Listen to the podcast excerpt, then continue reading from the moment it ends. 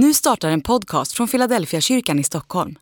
Om du vill komma i kontakt med oss, skriv gärna ett mejl till hejfiladelfiakyrkan.se. Varmt välkommen till Philadelphia Bibel. Jag ska fortsätta på det tema jag haft de två tidigare gångerna. Första gången var ju Bibelns råd om att höra Guds röst och på lite samma tema men med en nyans om Guds tystnad. Och idag ska jag tala om det jag tror många av er har funderat på, väntat på, tänker på när, ni, när man talar om att höra Guds röst. Om drömmar, profetier och syner. Men innan vi går in i det, skriv gärna i chatten om du nu tittar live. Berätta varifrån du är med och tittar. Och om du är med live nu, då kan du skriva en fråga i chatten och så ska vi försöka svara på den frågan under veckan som kommer. Så ta vara på den här möjligheten och följ oss här på onsdagar framöver. 19.00 går vi live, men du kan ju titta när du vill sen. Men det är bara när du tittar live som du har chans att delta i själva chatten. Så mycket välkommen in i Philadelphia Bibel. Och idag som sagt var ska jag fortsätta på frågan om att kunna identifiera Guds röst med det där många av er funderar på med uppenbarelser, drömmar och profetier. Och jag vill börja i Apostlagärningarna kapitel 2. Apostlagärningarna kapitel 2, så ska jag läsa vers 17 och vers 18. Det ska ske de sista dagarna, säger Gud, att jag utgjuter min ande över alla människor. Era söner och döttrar ska profetera. Era unga män ska se syner och era gamla män ha drömmar. Ja, över mina tjänare och tjänarinnor ska jag i de dagarna utgjuta min ande och de ska profetera. Nu ska jag på 20 minuter lite drygt försöka sammanfatta de här, det här bibelordet och de här stora frågorna om det vi ibland, kanske lite väl västerländskt, brukar beskriva som övernaturliga tilltal från Gud. För om sanningen ska fram så, så brukar man ju kalla det övernaturligt, så har jag tänkt. Men jag tänker kanske inte så mycket numera. Jag tror att det där att vi människor är öppna för det översinnliga, det som går utöver våra sinnen, det är djupt mänskligt och väldigt naturligt. Men i vår del av världen så brukar vi beskriva det som övernaturligt. Och jag vill nog börja med det profetiska. För det är ju det som upprepas ett par gånger i den här texten. Det är profetian från Joel som Petrus citerar på pingstdagen. Och bara för att sätta det i sitt sammanhang så måste man nog tänka att det är den här bilden som Petrus tänker nu är verklighet. Efter Jesu död och uppståndelse, när den heliga Ande kommer, det är då allt det här som Joel har sett framför sig, det är då det ska bli verklighet. Det vill säga, det här är en beskrivning av de omständigheter som vi lever under. Tappa inte den. Det profetiska, hur ska man förstå det? Ja, det finns ju ingen entydig definition. I Gamla testamentet dyker profeter upp. Om du lyssnade sa jag tidigare i ett av bibelstudierna att det verkar vara Guds nödlösning. Det låter lite snålt att uttrycka det så, men det är som att när folk inte längre hör det Gud har sagt och följer det, då skickar Gud en profet. Medan in i det nya testamentet så verkar det profetiska vara en del av Guds folkets vardagsliv. Men vad är då det profetiska? Hur ska man förstå det? Den bästa definitionen jag hittar den finns i Första Korintierbrevets 14 kapitel. Följ med mig dit ska vi läsa vad Paulus skriver när han talar om det profetiska. Första Korintierbrevet kapitel 14, vers 3-4 och så vers 24 och framåt. Den som talar med tungor bygger upp sig själv, men den som profeterar bygger upp församlingen. Den som profeterar, han talar till människor. Han bygger upp, förmanar och tröstar. Och så från vers 24, också kapitel 14, första Korintierbrevet. Men anta att allesammans talar profetiskt. Och nu beskriver Paulus gudstjänstlivet, inte som det de facto är, utan som det möjligen skulle kunna vara. Anta att ni allesammans talar profetiskt. Om det då kommer en som är otroende eller oinvigd blir han genomskådad av alla, ställd till svars av alla och vad som gömmer sig i hans innersta blottas. Då kastar han sig ner och tillber Gud och ropar. Hos er finns verkligen Gud. Det Paulus gör i Första Korinthierbrevets 14 kapitel är ju att tala om det profetiska som den nådegåva man helst ska ha. Därför att den är kommunikativ.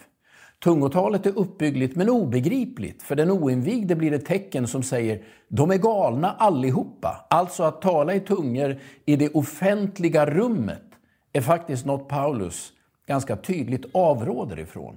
Men att profetera, det tillstyrker han. Och här finns några antydningar kring vad profetian faktiskt gör. Den bygger upp, den förmanar, och den tröstar.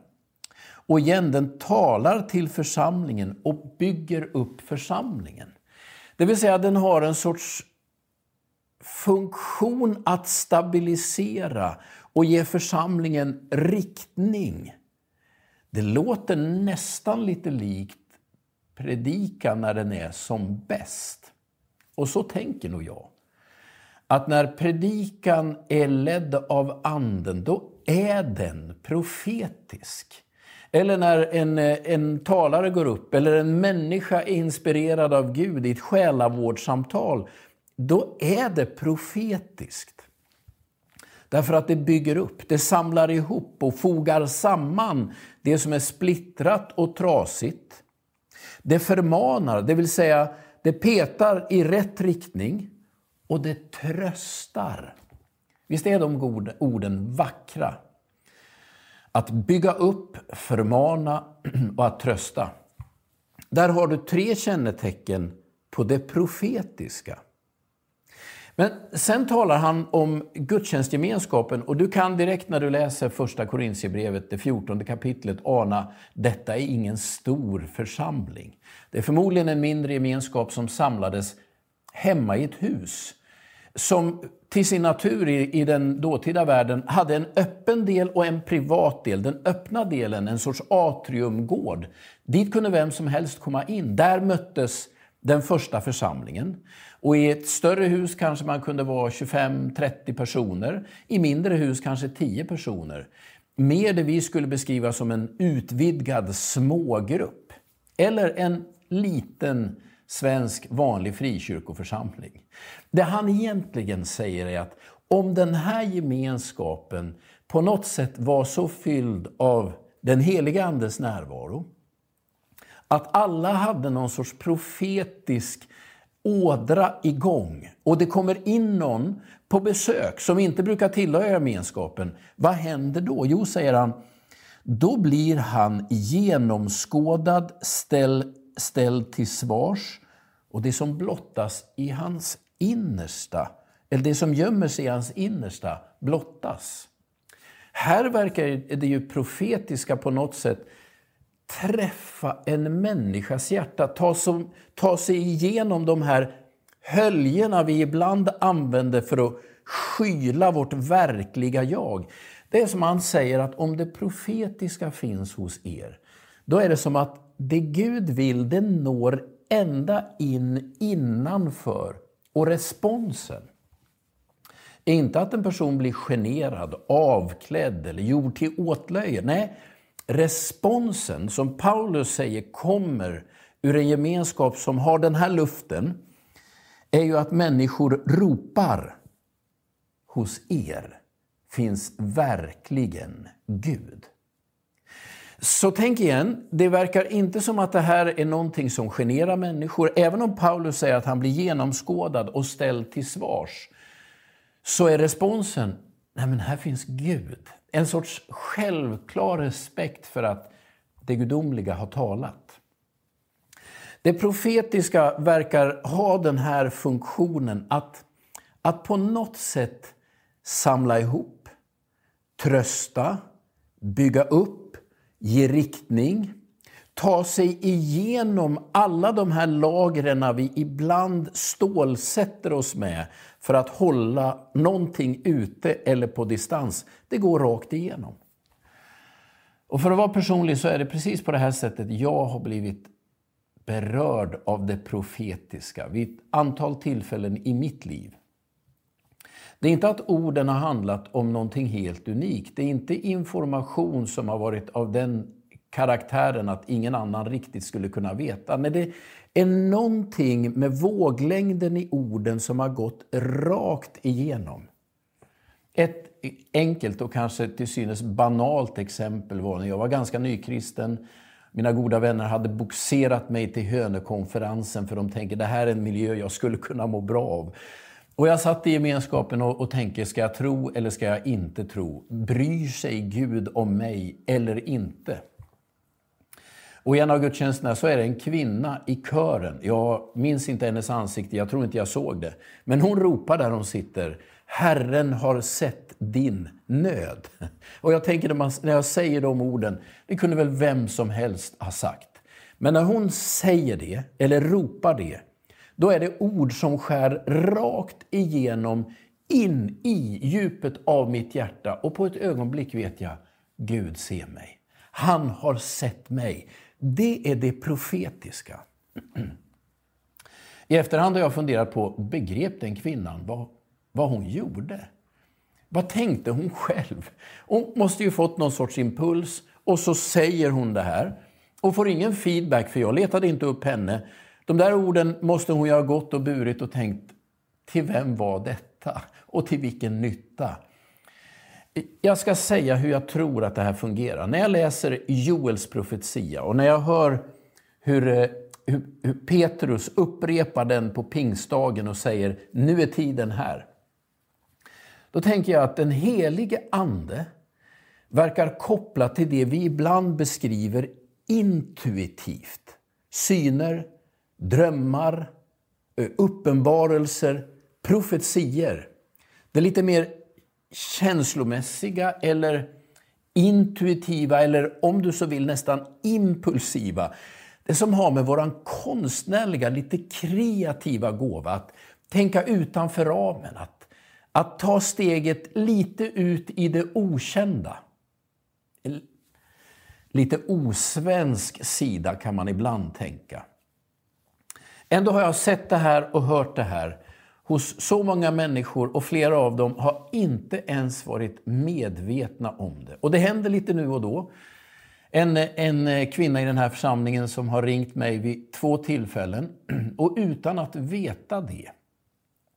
Förmodligen bara tänkt att jag ska uppmuntra våran pastor lite, men sagt ord som har varit så på pricken i den situation där just jag och Philadelphia befann sig. Och jag sa, du vet inte hur profetisk du är just nu. Men hon var på pricken. Hon visste det inte, men hon bara kände, jag ska säga detta. Tänk nu igen, det här är inte en gåva som generar, som på något sätt ställer människor nakna inför offentligheten. Det är inte det det handlar om. Utan en gåva som väcker respekt för Guds närvaro och Guds tilltal. Du kan bära denna gåva. Och min tro är att hela Guds folket i Nya Testamentet egentligen skulle kunna vara bärare av denna gåva. Gör det inte för stort, för svårt eller för oåtkomligt, utan våga tänk att Gud kan tala genom dig liksom in under ytan, rakt in i hjärtat. Det är den väg Gud vill använda. Det gör han förhoppningsvis med oss predikanter. Men han gör det med dig i din vardag, på din arbetsplats, i din familj, i umgänget med vänner. Våga tänk att det profetiska är en del av det Gud har gjort i mitt liv. Det är inte så annorlunda, det är så naturligt. Någon gång kanske du ska våga säga, jag vill säga det här till dig. Se hur det tas emot, kanske är du profetisk. Den, e- detta är den ena sidan. Våga tänka att intuitionen, den där, den där, det där infallet du fick, kanske är det Gud. Det kan trösta, det kan bygga ihop, samla och det kan korrigera. Det kan gå igenom och det kan ge människor uppfattningen här finns Gud. Mer av detta önskar jag och ber jag om. För mig själv, men jag tänker där du sitter. Det här är för hela Guds folk. Detta är för dig. Krångla inte till det. Våga tro, det är det här Gud kan göra genom mig. Och, och när du ska bara förmedla din tro eller uppmuntran eller tröst, tänk, nu kanske jag är profetisk. Så finns det ett steg till som jag tycker är viktigt att ha med sig när vi talar om det profetiska. Och då vill jag ta med dig till Första Thessalonikerbrevet kapitel 5 och så vers 19 och framåt. Lyssna nu. Släck inte anden, förakta inga profetier, men pröva allt, ta vara på det som är bra och avhåll er från allt slags ont. Släck inte anden, förakta inga profetier. Jag tror att det behöver sägas. Det här behöver man vara rädd om. Vi kan släcka det. Det är en obehaglig tanke. Släck inte anden. Förakta inte det profetiska. Jag tänker igen på den där kvinnan i tältet på Hönökonferensen en gång för länge sedan som ropar lite i, i falsett Herren har sett din nöd. Vad fick hon höra av körledaren och pastorerna sen? Hon gav uttryck för detta och orden kom till mig. Förakta inte det profetiska. Däremot ska vi nog hitta goda former för det. Vi ska hjälpa människor att förvalta det här på bästa tänkbara sätt, men vi ska ta vara på det. Men det viktiga, pröva allt. Ta vara på det som är bra. När Paulus säger att vi ska pröva, vad menar han då? Ja, men då tror jag att han menar, nu tänker vi efter. Kan det här stämma? Eh, ligger det här i linje med det Bibeln har undervisat? Att pröva är ju att falla tillbaka på erfarenhet, kunskap, det vi har med oss. Det vill säga om den första delen, att våga vara profetisk, är lite intuitiv, ibland nära på impulsiv, så är det andra steget som hör ihop, det är mer reflekterande. Nu prövar vi detta. Vi använder vårt sunda förnuft. Vi tänker efter. Kan Gud tala på det här sättet? Så Paulus säger väldigt tydligt, var rädd om, om Andens verk, förakta aldrig det profetiska, men, men avsvär er inte ansvaret att pröva detta. Och då vill jag säga till dig, du som kanske har fått några ord uttalade över dig som du känner dig tveksam till. Du har rätt, till och med tror jag man ska säga skyldighet, att pröva detta. Och ibland kan man behöva gå till en pastor eller en äldre människa eller någon klok kristen och fråga, kan det här stämma? För mitt i detta gudomliga som vi finns i så är vi också människor och ibland kliver vi lite snett. Men låt inte den erfarenheten släcka anden och leda till ett förakt för det profetiska.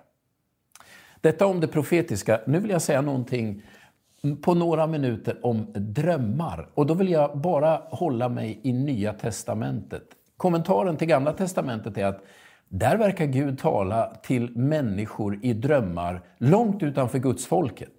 Farao, det kanske mest kända exemplet, som drömmer om sju feta kor som går upp ur Nilen och sen kommer sju magra som käkar upp de feta. Den drömmen känner du igen. Farao var ju inte Guds bästa barn, hade en helt annan religion, men Gud talar till honom i en dröm. Och Josef tyder drömmen. Eller Daniel, ni vet boken med Daniel i lejongropen. Han tolkar en dröm som Nebukadnessar har. Jag hoppas jag uttalar namnet rätt nu. Det vill säga, i bägge de där fallen verkar det helt självklart att Gud använder drömmar för att kommunicera med människor långt utanför Guds folket. Visst är det en god tanke? Det vill säga, Gud talar till människor långt utanför församlingens gemenskap. Ta med bara det på din radar när du möter människor på arbetsplatsen. Om det här samtalet kommer upp, tänk att Nej, men Gud talar till människor överallt. Just nu som du lyssnar på detta bibelstudium, runt omkring dig där du bor. Gud talar till människor på både självklara naturliga sätt och ibland övernaturliga sätt. Men in i Nya Testamentet, hur funkar drömmarna där? Jag har två exempel jag vill ge dig. Det första exemplet det känner du igen ifrån julens texter. Och det handlar om Josef. Du kan läsa om det här i Matteusevangeliets första kapitel. Läs gärna hela berättelsen. Josef får veta att hans Maria, den han är trolovad med, hon är med barn. Och han vet direkt, det är inte jag. Och han får gå med den här våndan, fundera på hur han ska göra det här. Alla hans drömmar går i kras tills han landar i, jag ska skilja mig från henne, men jag gör det snyggt. Då talar Gud i en dröm till Josef och säger, du behöver inte vara rädd och ta till dig Maria. Barnet har blivit till genom helig ande. Min första fråga när jag läser den här berättelsen är, varför fick Josef gå med hela den här ångesten och landa i ett beslut som dessutom är felaktigt? Varför ger inte Gud honom drömmen först? Josef, jag vill bara inviga dig i vad jag tänker göra. Så går det inte till. Utan det är efter hela den här perioden, om det är veckor eller månader, som Josef har brottats, landat i ett beslut, gått igenom alla olika känslolägen du kan tänka dig. Det är då Gud talar i en dröm. Mitt enkla svar på den frågan är att Josef är en annan människa efter att ha gått igenom hela den processen. Men varför talar Gud till Josef i en dröm? Min tolkning, om den är rätt får du gärna ha synpunkter på, men min tolkning är Josef är så kodad. Han vet vad traditionen säger, han vet vad Guds lag säger. Det finns liksom inget att diskutera, saken är klar. Den enda frågan är ju just, ska jag göra rättegång av det? Ska jag dra det offentligt eller ska jag sköta det snyggt?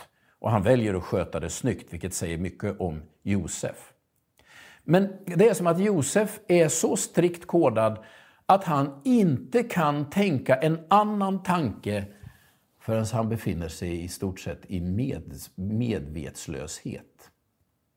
Det vill säga, det är som att det är i skiftet mellan två medvetandetillstånd. När Josef släpper taget om alla sina egna tankar, erfarenheter och sin tradition. Det är då Gud kan tala. Och drömmen som Gud ger, lyssna, detta är viktigt, handlar om någonting mycket större än Josef själv. Och det är nog också typiskt för alla drömmar med gudomligt ursprung. De är större än mig och, och det som rör mitt. Det handlar alltid om Guds riket och Guds planer.